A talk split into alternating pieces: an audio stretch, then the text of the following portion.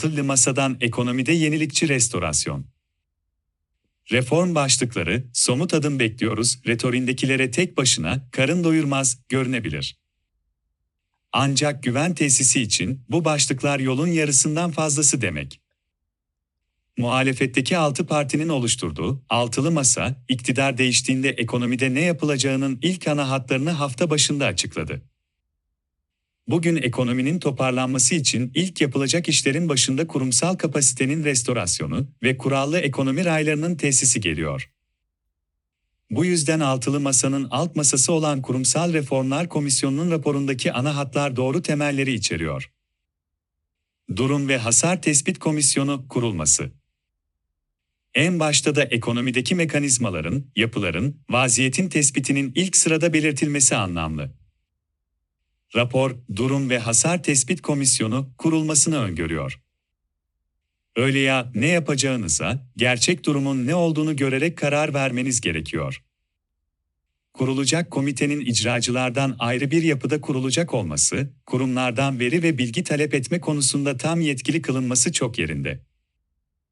Bir taraftan işler yürürken, diğer taraftan envanter çıkarılması hızlı biçimde olabilecek.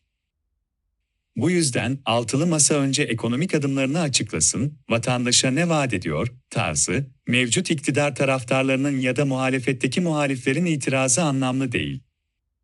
Tanı koymadan ameliyat önerisi beklemek gibi yanlış.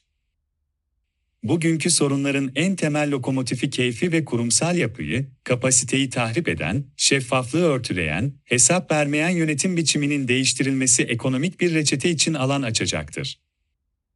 Yönetmesi de bugünden çok daha kolay olacaktır.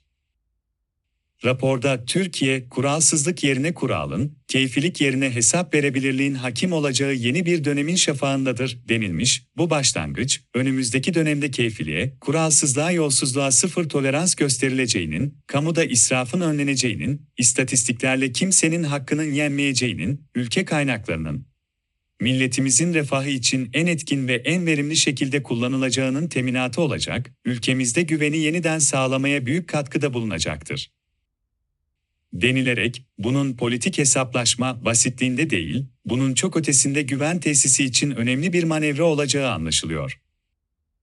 Ekonomik ve Sosyal Konsey'in toplanması ve işletilmesi Ekonomik ve Sosyal Konsey'in, ülke sorunlarının diyalog ve uzlaşma yoluyla ele alınarak tüm kesimlerin ortak menfaatlerinin sağlanması, işbirliğinin kurumsallaştırılarak karar alma mekanizmasına dahil edilmesi amacıyla kurulduğuna işaret eden rapor, konseyin yapısını ve işlevini yeniden belirleyerek çalışır hale getirileceğini not ediyor. Böylelikle yasadaki amacına paralel olarak konseyin geleneksel olarak öne çıkan çalışma hayatında uyum ve işbirliğinin tesisine ilişkin amacının ötesinde Birleşmiş Milletler'in açıklamış olduğu sürdürülebilir kalkınma hedefleri ekseninde ekonomik ve sosyal kesimler arasında uzlaşma ve katılımcılığı artıran bir yapıya dönüşümünün sağlanacağı taahhüt ediliyor. Uzlaşma ve katılımcılık son 20 yılın en derine gömülmüş siyasal kültür ve değeri. Bu değerleri muhalefetin altı masayı kurarak diriltilmesinin ekonomide de çok büyük bir ivme sağlayacağı çok açık. Buna gerçekten de seçim sonrası dönemde çok ihtiyaç olacak. Zira korkunç bir yoksullaşmaya, orta sınıfın çöküşüne tanık oluyoruz. Bunun için sosyal kesimleri kamu politikalarını oluşturanlarla bir araya getiren, birbiriyle konuşan, uzlaşan, çalışır bir platforma ihtiyaç olacaktı. Konseyin yeni yapı ve işlevle çalıştırılması zamanlama açısından da çok yerinde olacaktır. Strateji ve Planlama Teşkilatı'nın kurulması Rapor, Strateji ve Planlama Teşkilatı'nın başlangıçta Cumhurbaşkanı'na, güçlendirilmiş parlamenter sisteme geçildiğinde ise Başbakan'a doğrudan bağlı biçimde ivedilikle kurulacağını taahhüt ediyor. Peki bu nasıl olacak? Yanıt şöyle, küresel gelişmelerle bütünleşik olarak tüm kesimleri kapsayacak bütüncül bir yaklaşımla sürdürülebilir kalkınma hedefleri ekseninde ulusal, bölgesel ve sektörel bazda strateji, reform, plan ve programları hazırlayacaktır deniliyor. Merkezi kumanda ile mi olacak? Hayır, yeni bir tasarımla. Özel kesim, sivil toplum kuruluşlarının ve akademi ile yeni bir tasarım öneriliyor.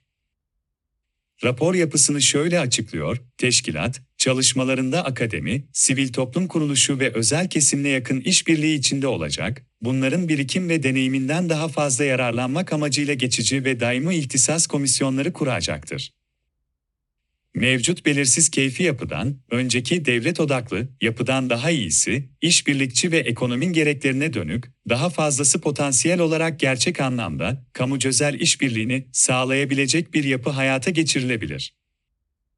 Bu açıdan, yenilikçi bir tasarım, ekonominin yeni bir modele dönük eşiğini kolaylaştırıcı bir işlevde taşıyabilir. Rapor da bu kaygıyı taşıyor, amacımız mikro müdahalelerden ve gereksiz bürokrasiden uzak duracak, meselelere stratejik düzeyde yaklaşan dinamik bir teşkilat kurmaktır. Bu anlayışta kurumun merkez teşkilatı dinamik gelişmelere hızlı adapte olacak bir şekilde esnek bir çerçevede oluşturulacaktır. Merkez Bankası'nın kurumsal yapısının güçlendirilmesi. Neyin yanlış olduğunu görmeden doğrusunun yapılamadığı bir ülke oldu Türkiye. Merkez Bankası'nın bağımsızlığı konusunda olduğu gibi. Hatırlayalım, bankanın bağımsız olamayacağı, sadece araç bağımsızlığı olduğu vurgusu yapılıyordu bir zamanlar. Ağır bedelle yüz yüze gelince şimdi, yoksulu ve orta sınıfı daha da yoksul hale getiren kavurucu bir enflasyon çukuruna düşünce anlaşıldı. Raporda 6 partinin, Merkez Bankası'nın, TCMB, fiyat ve finansal istikrar dışında sorumluluklar yüklenmeyeceği, bu kuruma yapılacak atamalar ile yasal değişikliklerin TBMM'de nitelikli çoğunlukla gerçekleştirileceği konusunda mutabık kaldıkları görülüyor. Burada sadece atama değil, örneğin Merkez Bankası'nın ihtiyat akçesinin hazineye aktarılması gibi geçmişteki yanlış işlerin yeniden tekrarlanmasının da nitelikli çoğunluk aranarak önüne geçilmesi hedefleniyor. Ki çok yerinde bir yenilik.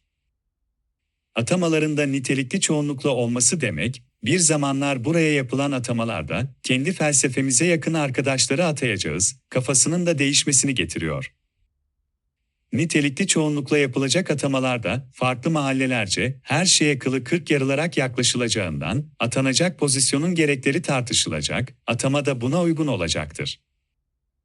Altılı Masa'da başkan atanmadan önce plan ve bütçe komisyonunda kamuoyuna açık bir değerlendirmeye tabi tutulacaktır. Kriterini benimseyerek demokratik toplumlarda olan bir uygulamayı meclis iradesinin süzgecinden geçirerek bu atamanın yapılmasını yine bir yenilik olarak benimsemiş. Bu konuda aklında kalan örnek olarak 2013'te Britanya Merkez Bankası'na atanması öncesinde parlamentoda 4 saate yakın süreyle sorguya çekilen Mark Carney geliyor. Britanya Başbakanı bilmiyor muydu, tanırım iyi çocuktur, diyerek atama yapmayı.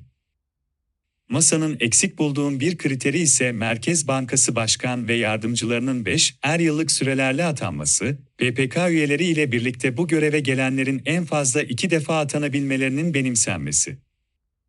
Oysa bir seçim dönemini, yani bir iktidarın süresini aşan bir süre ile örneğin 8, er yıl süreyle atanmaları ve en fazla iki defa bu göreve atanma şartı benimsenebilirdi.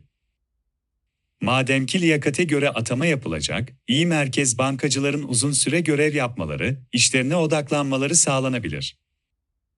Kaldı ki bu kriterde yasal değişiklikler sırasında yeniden gözden geçirilebilir.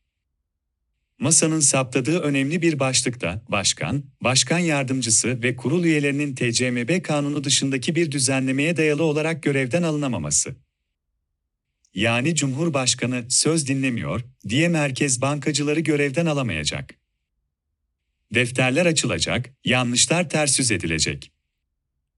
Mısa 128 milyar dolar olarak bilinen ve hala sürdürülen arka kapılı döviz satışlarına dair işlemleri denetleyeceğini, idari ve hukuksal denetime tutulacağını, tespit edilen hata, usulsüzlük, yolsuzluk ve kamu zararının sonuna kadar takibi sağlanacağını not düşmüş. Ayrıca, hazineye doğrudan kaynak aktarımı suretiyle parasal genişleme yapılmasına, özel sektöre kredi temini yoluyla kaynak tahsisine doğrudan müdahale edilmesine, bankaların bilançolarının kompozisyonuna mikro düzeyde müdahale edilmesine ve serbest kambiyo rejimi ile dalgalı kur sistemine aykırı uygulamalara izin veren yetkilere, işlemlere ve uygulamalara son verileceği de taahhüt edilmiş. Son bir vurguda Merkez Bankası'nın idare merkezinin yasada bile Ankara olarak tescilli olmasına karşın, neredeyse para politikasında işlevselliği olan hiçbir bölümünün Ankara'da kalmamış olması konusunda altılı masa bir taahhütte bulunuyor, ECMB'nin merkezi başkent Ankara'dadır. Bankanın Ankara'ya taşınma süreci mümkün olan en kısa sürede sağlanacaktır.